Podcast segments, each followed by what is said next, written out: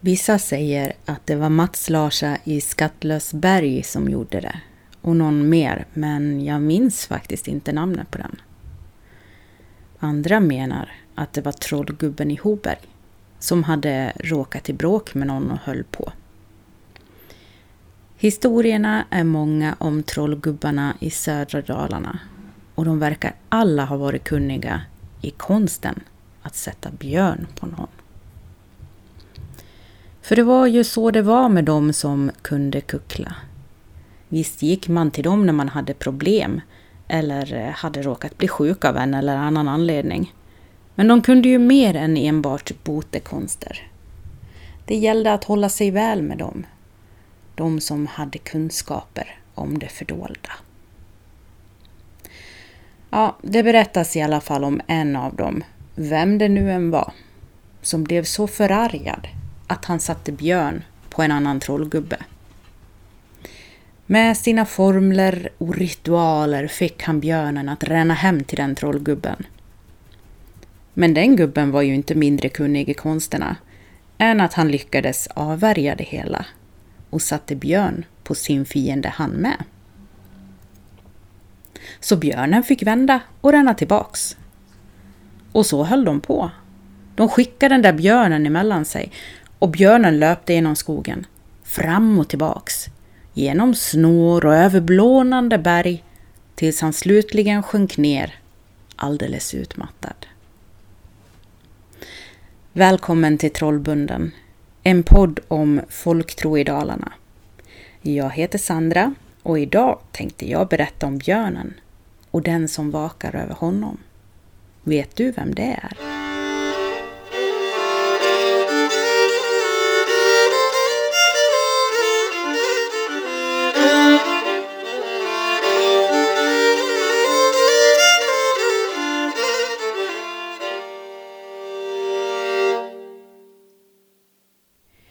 Någonstans i närheten av Nås bodde den där trollgubben som alla kallade Bjäss-August. Det finns många historier om honom, men jag tror jag väljer att berätta om dem en annan gång, för nu är det ju Björn det ska handla om. Och nog hade Bjäss-August förmåga att ställa med Björn som man ville. Eh, ja, nästan som man ville. August var rätt duktig till att dricka, som det berättas om många trollgubbar. Och när han hade druckit tillräckligt så skulle han varje gång visa sina konstiga magiska föremål eller vilka förmågor han hade. Då skulle han minsann trolla. Det här kom sig en varm sensommardag, då August hade folk över hemma hos sig och sin far. Det var mestadels grannar och någon tillrest långväga gäst som mest satt och gapade åt allt han fick se och höra där ute i skogen. De drack och pratade och den ena skulle skryta värre än den andra om vad de hade skjutit för djur i skogen. August hade inte sagt något på länge, vilket var ovanligt. Men han var kanske torr i munnen. Han tog sig en djup klunk ur glaset. Sen sa han jaga hit och jaga dit men ingen av er kan ställa björn i alla fall. Jaså, sa en av gubbarna och skrockade lite. Påstår du att du kan det då? Si du, det kan jag, det är inget jag påstår. Gubbarna skrattade. De tvivlade på det August sa. De ville inte tro honom innan de hade sett bevis för hans påståenden. Så de slog vad om en flaska brännvin. August skulle trolla fram en björn och sen skjuta den också, så skulle vadet vara avgjort. De samlade ihop sig, August slängde bössan över axeln och så tågade de iväg allihopa.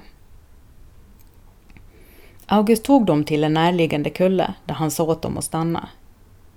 Ser du den där tallen där? Den som sticker upp och har en ruska på toppen som ser ut som din hårlösa skalle?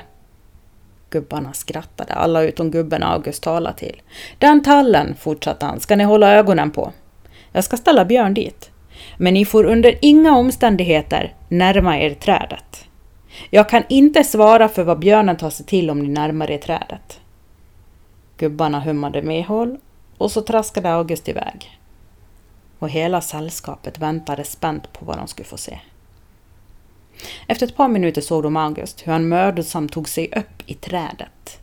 Med tanke på hur dragen han var så var det ett mirakel i sig att beskåda, att han lyckades ta sig upp utan att ramla ner. Han satte sig på en gren med armen om stammen och så såg de helt tydligt hur han såg ut att samtala med någon. Men utan att höra ett enda ord som sades eftersom trädet stod för långt bort. Det gick en stund och så utbrast denna gubbarna ”Där!” och pekade. De andra hyschade honom men kikade ivrigt åt det håll han pekade. Och visst, det rörde sig i snåren. Det var en björn. En stor, raggig brunbjörn och han lufsade raka vägen fram till tallen där August satt upp krupen. Björnen tittade upp längs stammen, ställde sig på sina bakben, men den klättrade inte upp i trädet. Den slog till stammen med en av sina väldiga ramar. Den nosade runt på marken och vakade, vankade av och an. Mellan varven gav den upp ett illvilligt vrål och det var tydligt att han var riktigt arg. Gubbarna väntade på att August skulle skjuta björnen. Men han bara satt där, med armen om stammen för att inte ramla ner av björnens utfall mot trädet. De väntade länge och efter en stund avtog spänningen. Solen färgade himlen med sina sista strålar och till slut tröttnade gubbarna. Ingen av dem vågade gå fram till tallen och den uppretade björnen, i synnerhet inte efter den skarpa tillsägelse de hade fått av August. Och de var alla överens. En trollgubbe som lyckas trolla fram björn borde ju kunna trolla bort den lika lätt igen. Så de vände och gick tillbaks till huset för att fortsätta dricka. Hela natten gick och det var först på morgonkvisten som August kom strosande med bössan över axeln. När han kom in ställde han ifrån sig bössan och satte sig ner vid bordet. Vad hände? frågade en av gubbarna. Jo, svarade August, ingen av trollformlerna bet på björnen.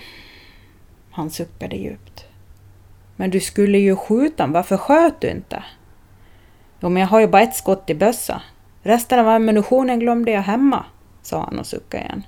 Om jag hade skjutit mot björnen och jag hade missat så hade trolldomen brustit och då hade björnen kunnat klättra upp i trädet efter mig. Han hällde upp lite brännvin i ett glas. Jag fick vänta tills han gav sig av själv när solen gick upp. Han tog en klunk ur glaset och sa Det där, det gör jag aldrig om igen.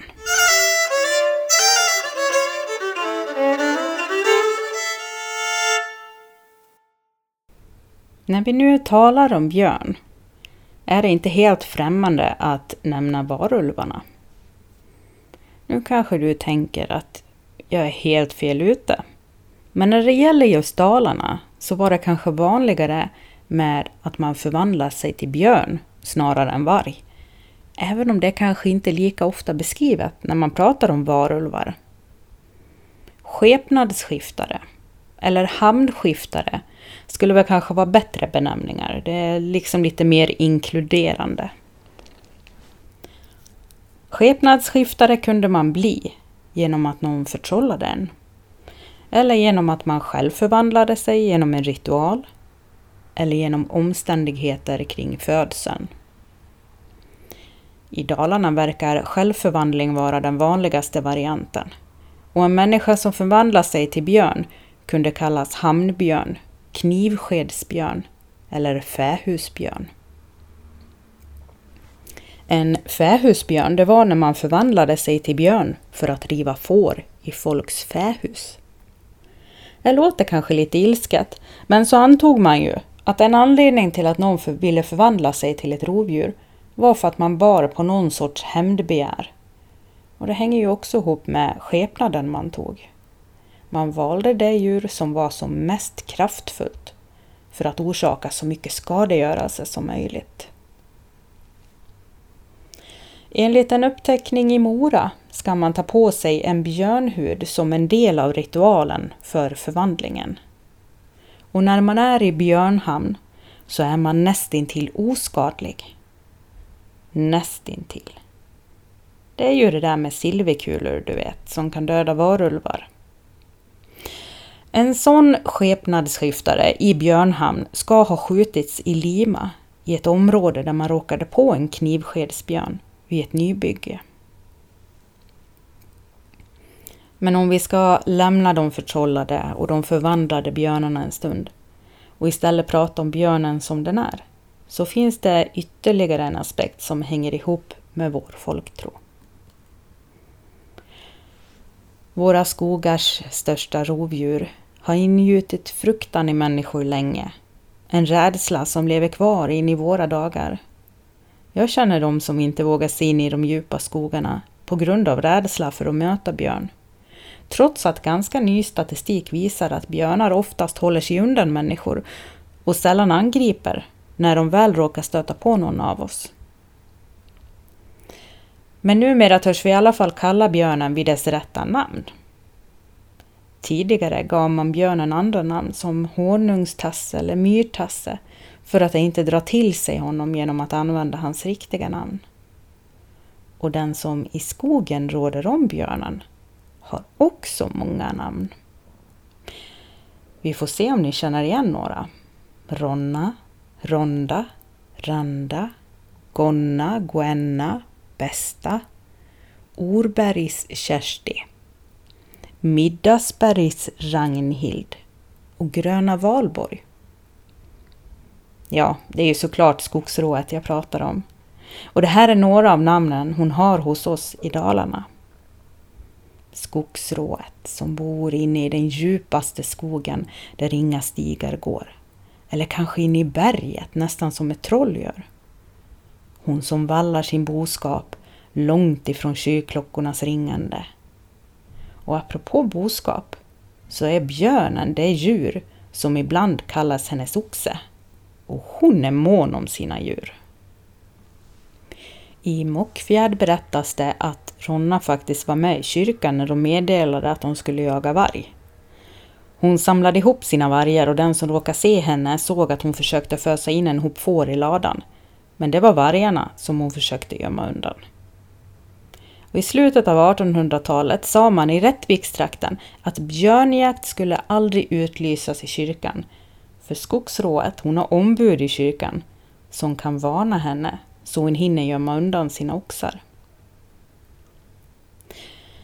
Från många skogsfinska områden finns nedtecknat hur skogsrået förser sina björnar med honung under tiden då de vintervilar. Kommer skogsrået med en spann med blod istället för honung betyder det att björnens tid är kommen och jägarna är på väg. Då pratar jag inte om nutida jägare som skjuter av björn, utan den gamla tidens jägare som tog tillvara på björnens kött och skinn, som under ritualer grävde ner benen för att nya björnar skulle kunna uppstå ur dem. Men Ronnaja. Att försöka beskriva henne är ju nästan som att försöka beskriva den nyckfulla och växlande skogen själv. Ibland är hon ung, vacker, kärleksfull och hjälpsam klädd i vackra kläder men bara lilla svansen hängandes ut under kjolen. Ibland är hon en gammal kvinna med lång näsa och långa bröst som hon slänger över axeln när hon springer. Ibland liknar hennes fingrar klor, som hon kan använda när hon hjälper till vid milan. De flesta berättelserna har i alla fall en sak gemensam och det är hennes baksida. Den är inte riktigt mänsklig. Den kan se ut som ett ihåligt träd eller som ett degtråg. Och det kan till och med växa mossa där. Ja, det måste ju finnas någonting med hennes utseende som sticker ut, så man inte misstar henne för människa. Ibland är hon bara en röst i skogen, som hjält skrattar och lockar för att leda en vilse. Som jag sa, nyckfull, precis som skogen. Virvlande vild som vinden bland trädtopparna, mjuk som solen genom lövverket eller som mossan på marken. Men också full av rötter och grenar man lätt kan snubbla på. Ingen lek att vara kring, kring på natten, då allt är färgat djupaste svart. För att skydda sig mot ronna finns ju olika sätt. Den vanligaste brukar vara tibast och vänderot, men från Grangärde kom en variant på den. Vitman, svartman och vänderot. Alltså vitlök, kära, och vänderot. Om man råkat vilse på ett av hennes trollstråk i skogen kan man vända något klädesplagg ut och in eller bak och fram, så ska man hitta rätt igen. Fast allra bäst är kanske att bara försöka visa vanlig artighet och vänlighet. Gör man så, så kan hon till och med belöna en. Runt Siljan kan man bli belönad med rikliga fiskfångster och på andra platser kan man få lov att skjuta något av hennes boskap. Allt för att man vänligt påtalat att underkjolen hänger ner när man ser svansen sticka fram under kjolen. Det var runt 1890, säger de gamla. Och en jänta som hette Ida villade bort sig i skogen. Hon bodde i Rävåla och kunde nog hitta runt i skogarna där hemma men nu hade hon alldeles gått bort sig från stigen. Hon irrade runt. Men du vet hur det är när man är djupt inne i skogen, alla träd ser likadana ut. Och utan stig vet man inte alls åt vilket håll man ska ta vägen. Det gick en ganska lång stund och Ida började bli ganska orolig när hon tyckte att hon hörde ett ljud långt borta. Det lät alldeles som ljudet av koskällor. Där det finns kor borde det inte vara långt till andra människor, tänkte hon och försökte gå mot ljudet. Det var snårigt och jäkligt, men till slut kom hon fram till en glänta där hon såg några kor. Hon såg också en kvinna, helt klädd i svart, barhuvad och med utsläppt hår. Och den här kvinnan stod framför korna och spelade på ett vallhorn. Klangen var djup och melodin lockande. Hon hade aldrig hört den förut, men det var så vackert att hon stod alldeles stilla en stund och bara lyssnade. När kvinnan sen sänkte hornet gick Ida fram för att hälsa och när hon var alldeles nära såg hon att det här var en kvinna hon aldrig hade sett förut. Hon hälsade artigt och sa, jag verkar ha gått vilse. Jag kommer från Rävåla, vet du hur jag hittar tillbaks dit? Kvinnan såg på Ida och nickade. Gå till Tallåsberget, sa hon. Ida tvekade. Eh, jag känner inte till Tallåsberget, jag måste vara riktigt vilse, sa hon och log blygt. Jag följer med och visar, svarade kvinnan då och tog täten. Det gick i sällskap, kvinnan spelandes på hornet och korna gick strax bakom dem. Efter en stund kom de till en gångstig. Kvinnan sänkte hornet och stannade. Hon pekade med handen. Det här, det är Tallåsberget. Och den här gångstigen ska du följa så kommer du ner till Rävåla. Ida såg sig omkring, lätt förvirrad, men nog kände hon väl igen sig. Mångenberget är det ju. Hon vände sig om för att fråga varför kvinnan kallade Tallåsberget, men kvinnan och hennes boskap var borta, det syntes inte ett spår. Ida grubblade över det märkliga mötet hela vägen hem. Och väl hemma berättade hon för alla som ville lyssna om det märkliga mötet med den svartklädda kvinnan som hävdade att Mångenberget hette Tallåsberget. De andra skakade bara på huvudet. Någon sån kvinna kände de inte igen och nog kände de alla som vallade boskap i trakten. Nå, sa de gamla, du var ju Ronna Ida träffade i skogen och som hjälpte henne hem igen. Det börjar bli dags att runda av det här avsnittet. Jag hoppas du har hört något om både skogsråt och björnen som du kanske inte redan visste. Som den kända visan anger så är han ju inte farlig, bara man är varlig. Det är snarare Ronna man ska se upp med. Hon som vakar över björnen. Hon som ser honom växa upp och ger honom mat när han vintervilar i sitt ide. Hon som råder över skogen och kan pissa på bössan om man förargar henne, så man aldrig mer kan skjuta rätt. Tack för att du har lyssnat. Följ mig gärna på sociala medier. Folktro i Sverige heter Facebook-sidan och Folktro heter kontot på Instagram. Skicka mig gärna tips på saker du vill höra mer om. Eller kanske dina egna berättelser och upplevelser. Jag tycker det är spännande när ni delar med er av det ni vet och kan om den här oerhörda skatten som vår folktro faktiskt är. Jag heter Sandra Kristiansen och det är Torgny Lundberg som har gjort musiken.